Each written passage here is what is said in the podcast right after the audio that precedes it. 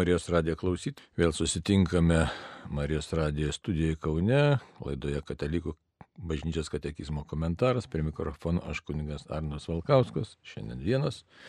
Prie pulto talkina Andrius Sakalauskas ir kągi žvelgiam, na, žvelgiam į katekizmo tekstą, bet prieš tai pirmiausia prašom Dievo palaimos. Vardant Dievo Tėvų ir Sūnaus ir Šventosios Dvasios. Amen. Vienas trybė Dieve, tu sukūrė šį pasaulį, kaip sakė Šventas Augustinas, sukūrė be mūsų, o išganyti mūsų be mūsų negali.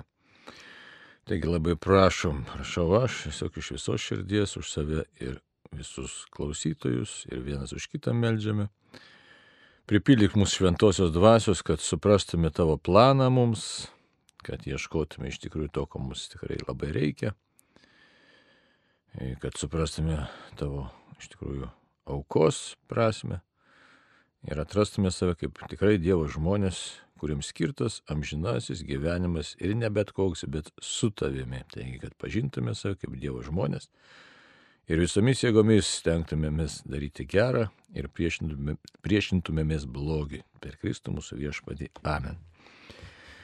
Taigi kalbam toliau, kalbam apie dvasinę kovą, nematomą kovą, pačią sunkiausią iš tikrųjų kovą žmogaus gyvenime nes įveikti save, tai įveikti iš tikrųjų visą pasaulį. Na ir dar e, antika, antikos mąstytojai sakė, pažink save, pažink pats save. Nes pažinti save irgi yra ištisas darbas, menas, uždavinys ir kova. Nes tai, ką mes apie save manom neretai, tai labai dažnai netitinka tiesos, nes tas mūsų manimas, tai kuo jis būna grįstas, būna grįstas nuomonė, e, mūsų fantazijomis, kokie mes liktai turėtumėme būti, bet tos fantazijos vėl labai įdomiai dėstosi ir labai įdomiai vienas dvasinis autorius sako, tai kas aš esu iš tikrųjų kas aš esu iš tikrųjų ir iš tikrųjų nežinau. Ir dabar daugeliu prasmių nežinau. Dabar kokiamis prasmėmis mes nežinom, kas mes esame. Kodėl apie tai reikia kalbėti? Todėl kad. Tai pasakysiu, nes jau nekartą esam girdėję ir patys galbūt užsiminę, kad štai šiandieninis žmogus neretai sako, aš neturiu nuodėmės, neturiu nuodėmės. Pradėjom kalbėti jau eilę laidų, kalbam apie nematomą kovą, apie kovą, kad štai reikia e, panaudoti Dievo duotąją jėgą, energiją, kad jin taptų darybė, o ne įda. Na, bet vėlgi, kodėl tą reikia daryti, e, vėlgi, tai tiesiog nuosekliai savo atrasti, iš, išdėstyti, atpažinti, kad štai turiu tą daryti dėl to, to ir to. Iš tikrųjų, iškart galima pasakyti, visos mūsų dvasinės kovos skirtos tam, kad mumise įsiskleistų, nu galim sakyti, šitaip dvasinis žmogus.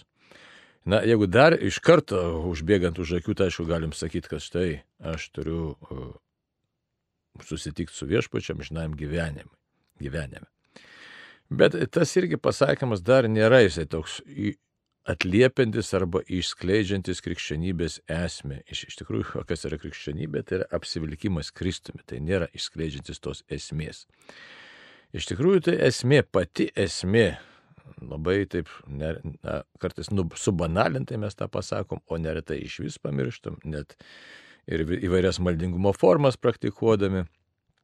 Pati esmė iš tikrųjų susitikti su viešpačiu jo meilė. Kitaip tariant, buvoti sant, meilės santykėje su Dievu. Toks labai skambantis na, pasakymas tiesiog na, gali būti atrodyti tiesiog nesuvokiamas ar nesuprantamas, ar kitas įk pernelik paprastas, bet iš tikrųjų tai yra būtent meilės santykis su Dievu, asmeninis meilės, asmeninis santykis su Dievu, būtent yra krikščionybės esmė. Ir e, tą e, kartais mes tiesiog nustumėm tą mintį, užmaskuojam, arba internelik yra savotiškai, galėčiau sakyti, sunki Kodėl? Todėl, kad būti meilės santykė, kaip čia atrodo įmanoma, kaip čia tą padaryti, kaip čia būti, tai ne man ir panašiai. Tai dabar e, prieš tai pradėjau kalbėti apie tą savęs pažinimą ir todėl, e, kadangi mes neretai nustumėm patį tą e, pagrindinio tikslo suvokimą, jo neišryškinam savo, jis netampa mūsų mąstymo, mūsų būties dalimi. Dėl įvairių priežasčių. Čia nereikia, čia kalba ne apie kažkokius kaltinimus, kalbam apie situaciją. Ne, tai situacija, ta situacija gali būti įvairi. E, vienokia ar kitokia. Ir nes, čia, nes mūsų kultūra tai dažnai linkusi kažką tai kaltinti arba teisinti, tokia strutiška kultūra, kad štai turi būti arba gerai, arba e, jeigu negerai kažkas, tai tai, aiškia, tai čia vėl tragedija. O čia ne tragedija, čia būtent yra žmogaus tokia situacija. Situacija būtent tokia.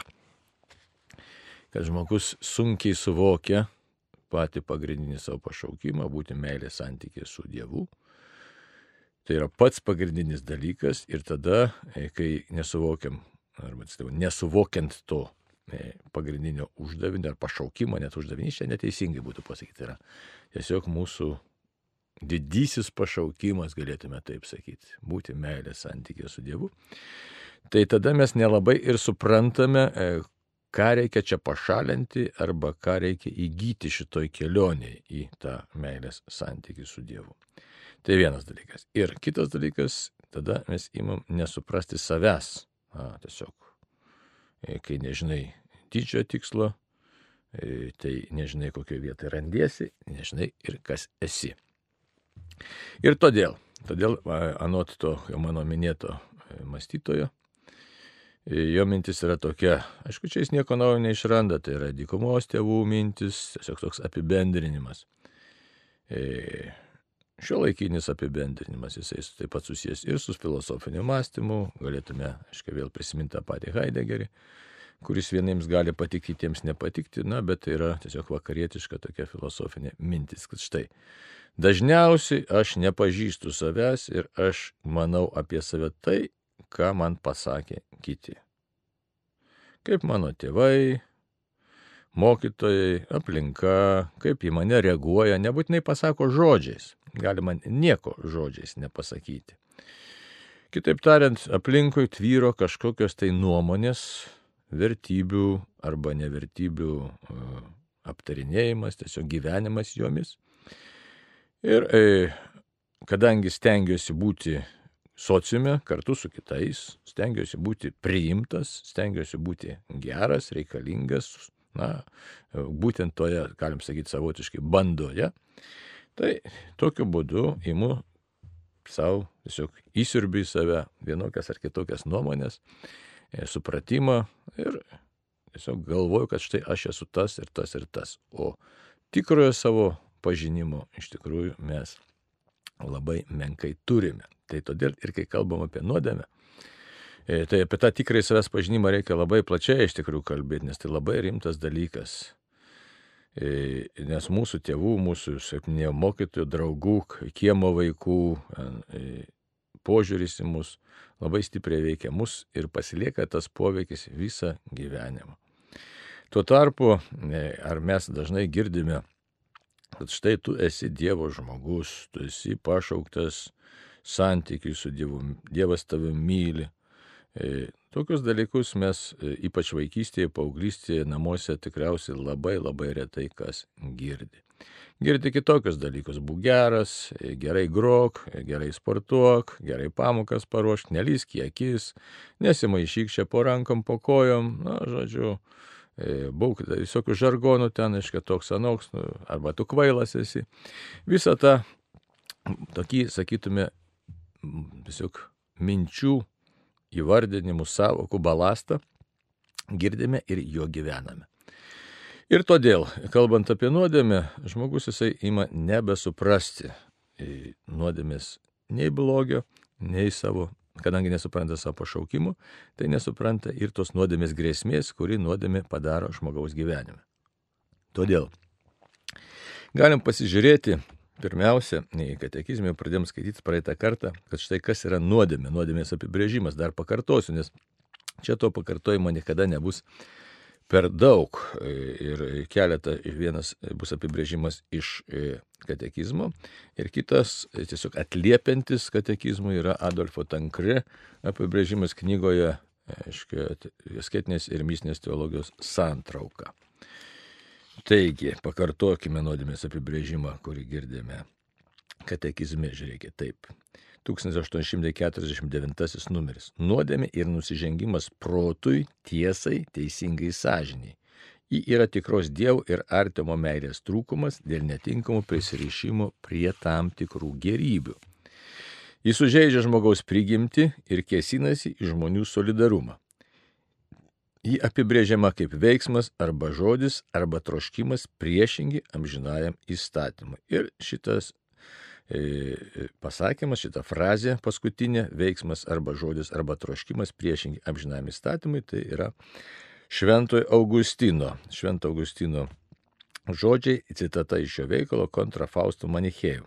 Taigi prieš e, Faustą Manichėjų. Čia Manichėjų buvo atskala arba kitaip tariant erezija. Tai va, Dar galėtume užmesti akį į 1850 numerį ir kalbama šitaip. Nuodėmė yra Dievo įžeidimas. Tai va čia niuansas kitas yra, apie kurį, aišku, vėl reikia atskirai kalbėti. E, nes norėtųsi pakalbėti tos tokius tikrai solidžius dalykus, e, kuriuos galėtume savo ir kitiems pasakyti, nes jie yra labai svarbus. Tai va. Taigi nuodėmė yra Dievo įžeidimas. Tau tik tai tau nusidėjau ir padariau, kas pikta tavo akise. Nuodėmė sukyla prieš Dievo meilę mums ir nukreipia nuo jo mūsų širdis. Kaip ir pirmoji nuodėmė, ji yra neklusnumas, maištas prieš Dievą, norint tapti kaip Dievas, žinoti ir nustatyti, kas gera ir pikta. Tad nuodėmė yra iki Dievo paniekinimo vedanti savimėlė. Dėl šito išpuikusio savęs aukštimo nuodėmė yra visiška išganimo pelniusi Jėzaus klusnumo priešingybė. Taip, dabar, tai čia katekizmas. Dabar pasižiūrėkime Adolfas Tankredis. Trumpai, reiškia, iš tikrųjų atliepia e, katalikų bažnyčios mokymui. Labai vertingas autorius ta prasme, kad jo visas mokymas yra doktriniškai labai skaidrus, tai yra nėra jokių interpretacijų, kurios galėtų mus klaidinti. Ir dabar kuo Adolfas Tankrė visą laiką rėmėsi bažnyčios mokymu ir bažnyčios tėvais, tradicija ir tais pačiais dykumų tėvais. Taigi, sako šitaip, čia paversiu. Nuodėmė yra laisvanoriškas Dievo įstatymo peržengimas. Tai va, tiesiog savanoriškas, laisvanoriškas. Taigi yra nepaklusnumas Dievui ir Dievo įžeidimas. Taigi vėl tas pats, mes girdim ką ir katekizime. Kadangi laisva valia mes pasirenkam savo valią ir taip sulaužome e, neperžengiamą teisę e, nustatytą ne mūsų valia. Taigi, taigi kitaip, vienaip ir kitaip tariant, nuodėmė egzistuoja kaip tam tikras nusižengimas. Nusižengimas Dievo tvarkai, nusižengimas Dievo valiai, Dievo įstatymui. Na ir dabar įdomybė visą tą, kad štai galim klausti, kur tas Dievo įstatymas, kur Dievas, ar yra Dievas, ar nėra Dievo.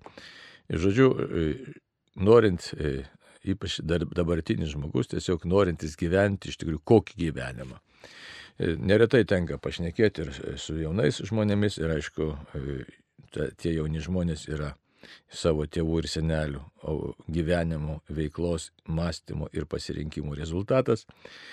Ir koks atsakymas dabartinio žmogaus ypatingai sunku evangelizuoti, na ir sunku kalbėti apie amžinai gyvenimą ir žvelgiant iš tokių krikščioniškų pozicijų, tai kadangi sielos išganimas yra pagrindinis uždavinys, o siela negali būti išganyta ten, kur yra nuodėmė, tai iš tikrųjų labai liūdnos perspektyvos, žvelgiant į tam tikrus pasirinkimus, ypač jaunų, nu, visų žmonių, bet dabar kodėl sakau sunku su jaunais žmonėmis neretai išnekėti, tiesiog sako labai tokią paprastą frazę. Aš gyvenu savo. Taigi įsivaizduot, aš gyvenu savo, gyvenu savo gyvenimą. Kitaip tariant, niekas man nerūpi, nei Dievas, nei žmonės, nei tevinė, nei aplinka. Na, kai kas ten užsikabina už kažkokio tai gamtos saugojimo, bet vėlgi tai yra tam tikra, sakykime, religijos pakeitimo forma.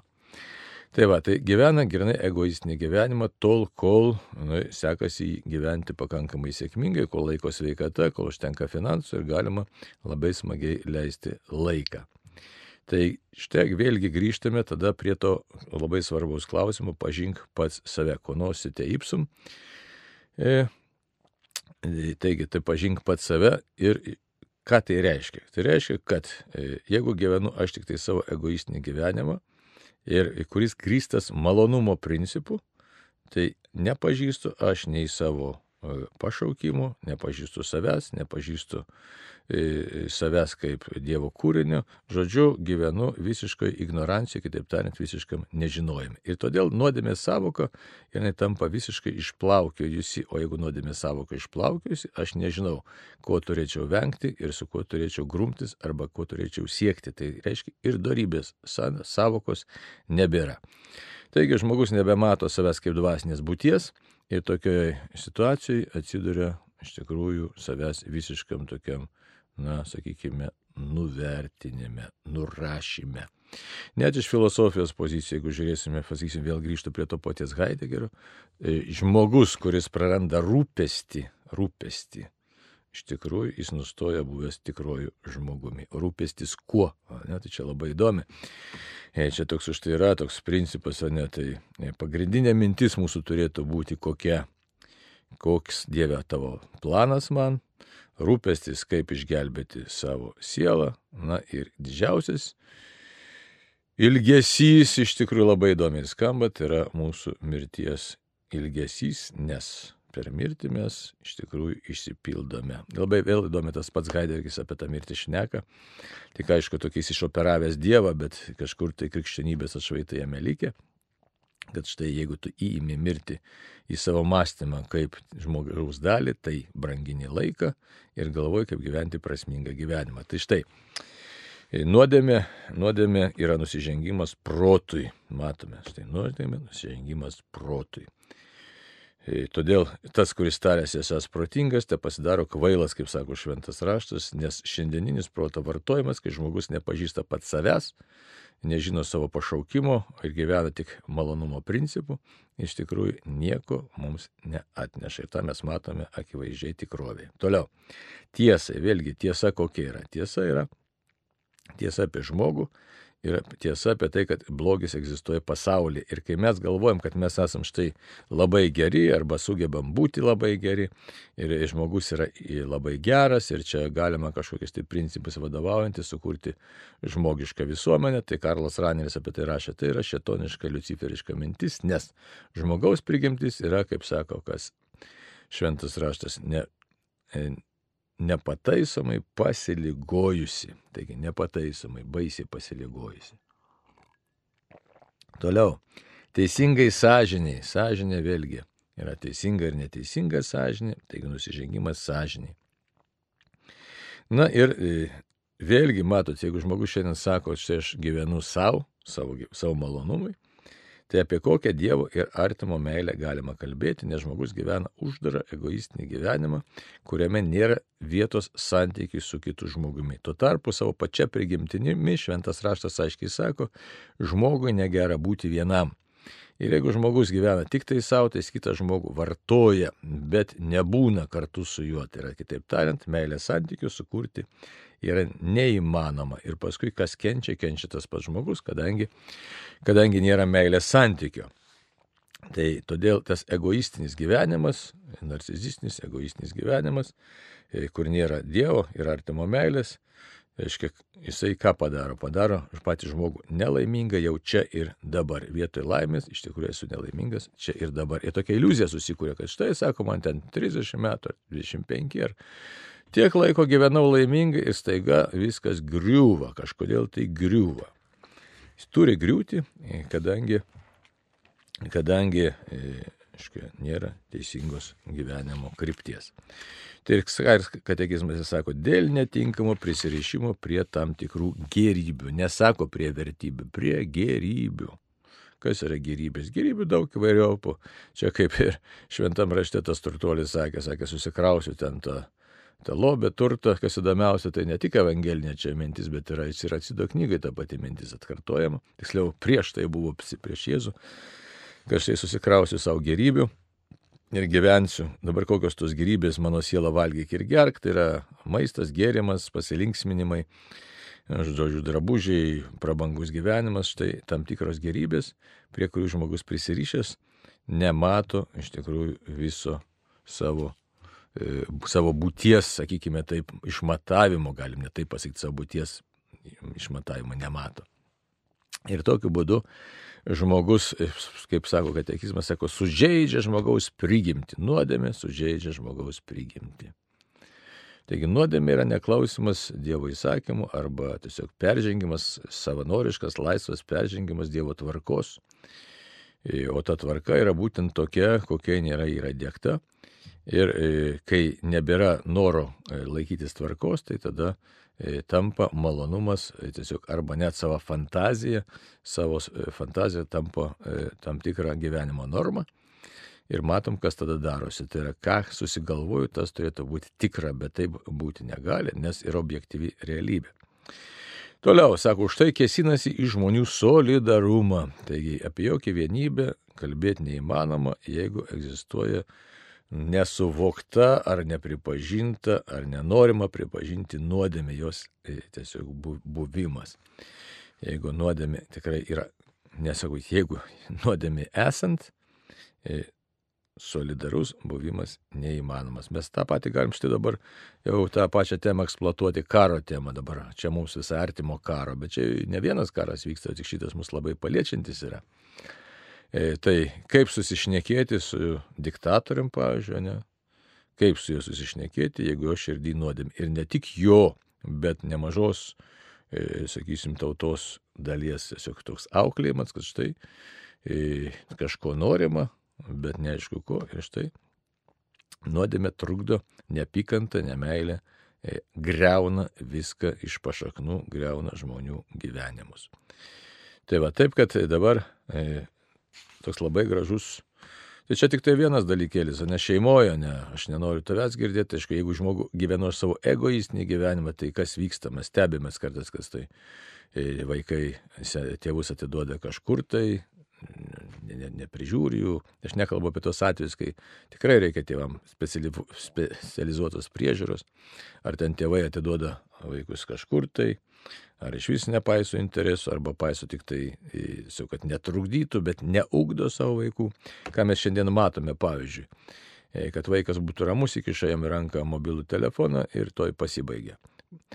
Iš tikrųjų, tai tėvų uždavinys pastoviai ugdyti žmogų, kuris galėtų būti savarankišku atsakingu žmogumi laisvu nuo priklausomybių. Tai, taip kad štai tas amžinasis Dievo įsakymas, įstatymas, mylėk Dievą ir artimą, jisai yra sunkus, dabar ką tai reiškia mylėk, mylėt būtis meilės santykiai. Ir kaip aš jau minėjau pačioj pradžioje, kad štai labai sunku, atrodo, apibriežti krikščionybę, kad štai krikščionybė tai yra meilė, asmeninė meilė su Dievu, susitikimas su Dievu. Atrodo, kas čia tokio, ne? Juk tai įvardinta didžiam Dievo įsakymė, įstatymė.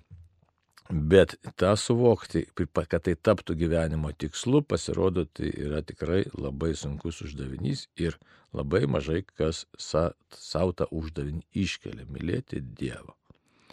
Mylėti Dievą, tada aš būsiu žmogumi. Mums atrodo kartais utopija, net ir, katalikai. E, nu tai dėl ko melžiamės dažnai? Kad štai viskas sektųsi, kad sveikata laikytų, kad nieko blogo neatsitiktų O tai prašyti Dievą, noriu pamilti tave, įsivaizduoti. Nes, pirmiausia, ne savo žmoną, ne savo vyrą, ne savo vaikus, ne nukus. Pirmiausia, noriu pamilti tave. Tai čia pasakai šitaip savo ar kitiem ir keistai skamba. Reiktų paklausti tiesiog viens kito. Nu ir kaip tau skamba šitas, kad Dieve noriu pamilti pirmiausia tave. Nes mūsų prisirišimai, e, mūsų, aiškiai, moko kitaip, kitokio požiūrio į pasaulį ir kitokio požiūrio į gyvenimą. Tai čia kiekvienas turėtume savo tam tikrą reviziją širdį pasidaryti. Kaip man skamba šitas labai konkrečiai iškeltas įstatymas. Ne tai, kad aš ten žinau, katekizmė tiesą pasakiau, bet tai netapo mano tiesiog gyvenimo moto. Dieve, pirmiausia, noriu pamilti tave. Aišku, tada klausim, kaip tai padaryti. Tai, tai bent būtent nuodėmė trukdo mums už tai mąstyti. Savęs nepažinimas, dabar savęs nepažinimas, ką reiškia save pažinti, pamatyti kelis dalykus. Tai savo pašaukimo didybę ir pamatyti savo, na, drąsiai galim sakyti, menkumą. Dabar kokį menkumą? Net sakyčiau, ne tik at nuodėmės sužeidimą, bet pamatyti savo niekšingumą. Tai yra, kitaip tariant, potencialią galimybę būti niekšu.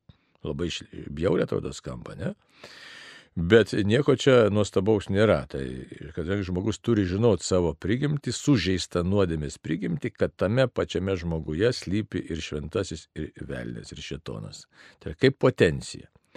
Ir tą mes galime atrasti drąsiai ir atrandame ir realiai gyvenime, ir atrandame tą taip pat ir šventajame rašte. Paimkim Judo pavyzdį ir imkime Petro pavyzdys. Taip kad tame pačiame žmogui slypi, slypi ta nuodėmės pasiekmė, kuri gali tam tikromis aplinkybėmis, jeigu mes su savimi nekovojam ir neprašom Dievo pagalbos, jin gali tiesiog labai baisiai pasirodyti ir, na, ir patys savęs galim, sanyti, net pasibjaurėti ir taip nekarta būna. Todėl, todėl kova su nuodėme yra pagrindinis, drąsiai galim sakyti, dabar gal taip, kova su nuodėme, pagrindinis uždavinys ir kova už dorybę už meilės santykių su Dievu ir artim, kitaip tariant, darybės ūkdymas. Taip, tai dabar žiūrėjau, laikas jau ne, aptirpo, aš nekėjom nemažai, dabar galime, jeigu yra koks klausimas atsakyti, jeigu ne, tai tęsim toliau kalbė, kalbą apie nuodėmę. Keletas klausimų noriu paklausti, kaip kovoti su pavydu. Pavydžiu šeimos, vaikų, namų, geresnio ar lengvesnio darbo, pinigų, kūno sveikatos ir pavydžio atrodo taip stipriai, kad pradedu nemėgti kitų, nenorėdama pavydėti pradedu vengti žmonių? Labai geras klausimas, labai rimtas klausimas ir lengvai aš jums dabar neatsakysiu. Kaip tik varčiau tą Adolfo Tankrė vadovėlį vakar čia ir ten labai rimtai aprašome būtent apie pavydą. Tai žinai, tai tas pavydas yra tikrai nagriaunanti jėga, kurį va, jūs labai gerai vardinat, kad net neleidžia būti su, su, su žmonėmis, neleidžia e, šitai, kaip sakyti, nu, bendrauti. Tiesiog, na, dabar kaip yra įdomi apie pavydą, aš iš karto atsidžiavėčiau Adolfo Tankrė net vadovėlį.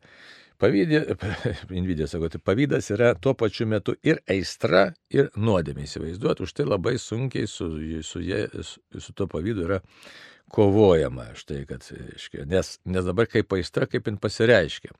E, e, pasireiškia labai įdomiai, kaip gilu, giluminis liūdėsys ir paliečia jausmus.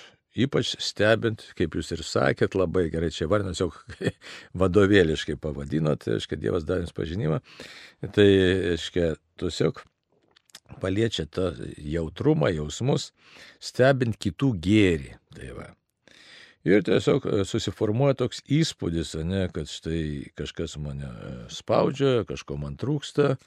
Ir dar atsiranda baime. Atsiranda baime, kad štai aš esu prastesnis ar prastesnė už kitus, mano gyvenimas netoks geras.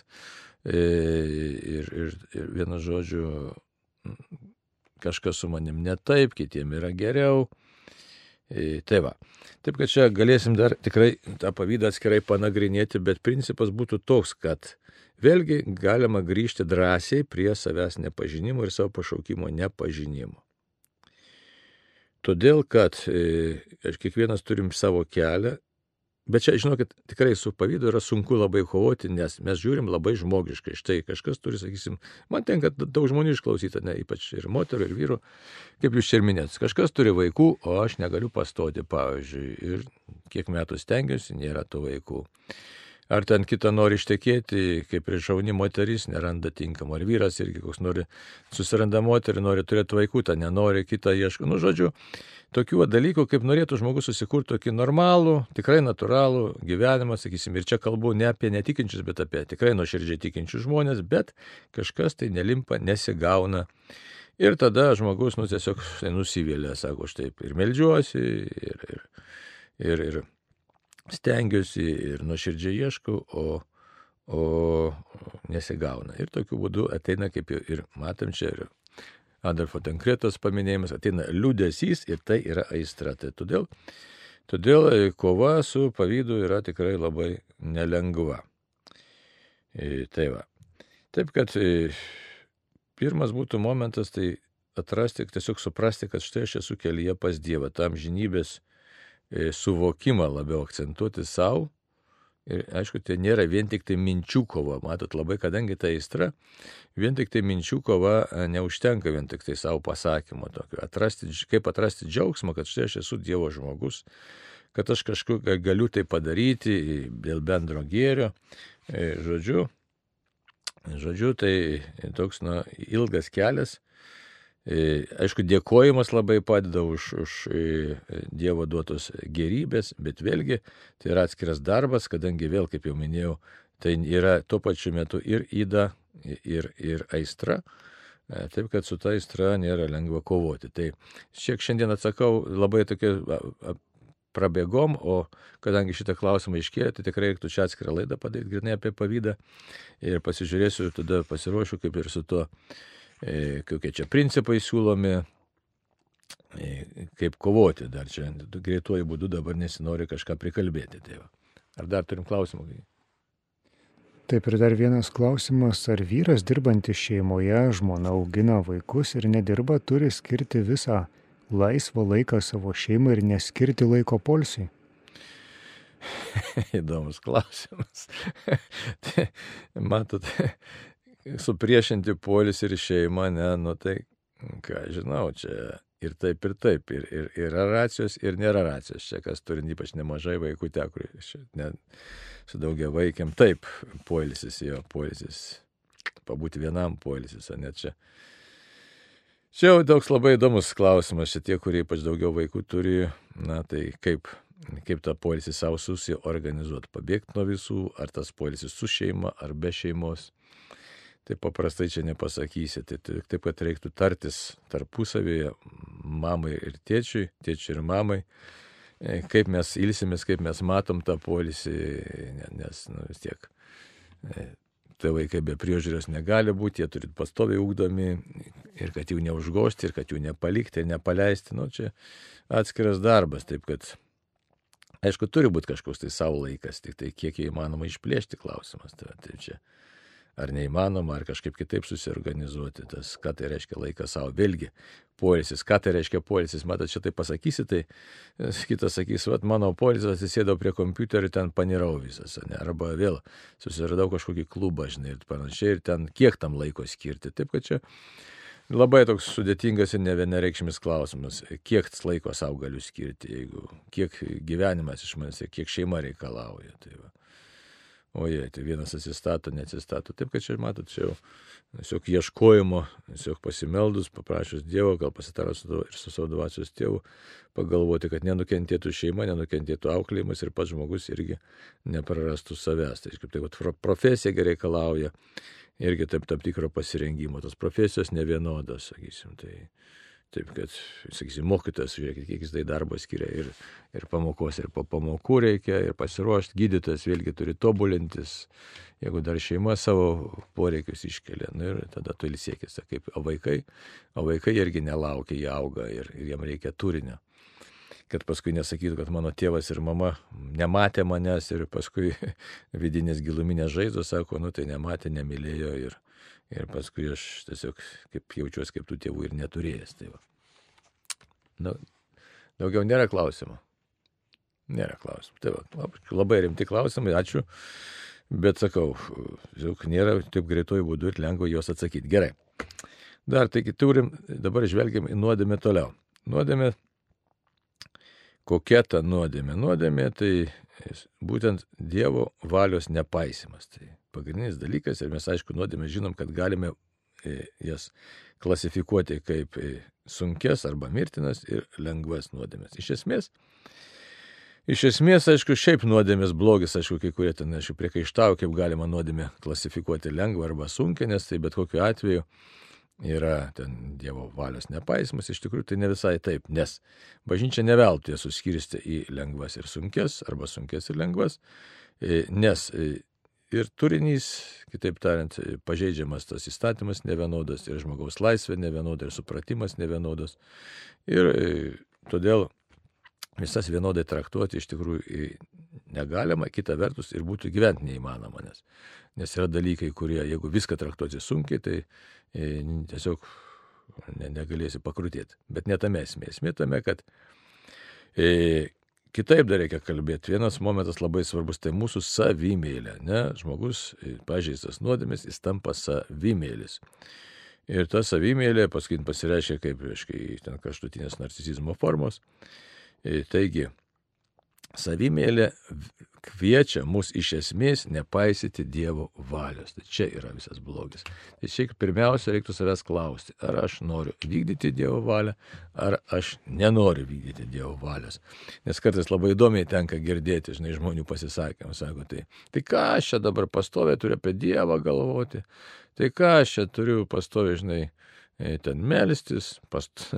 jeigu štai paėmus šventą raštą, tai ten aiškiai pasakyta, melskitės ir nepaliaukite. Tai va. Visuomet melskitės už viską dėkokite, nes tai Dievas nori iš jūsų Kristų Jėzui. Tai va, negesinkite dvasios, neniekinti pernašavimo. Tai apaštalo Pauliaus žodžiai.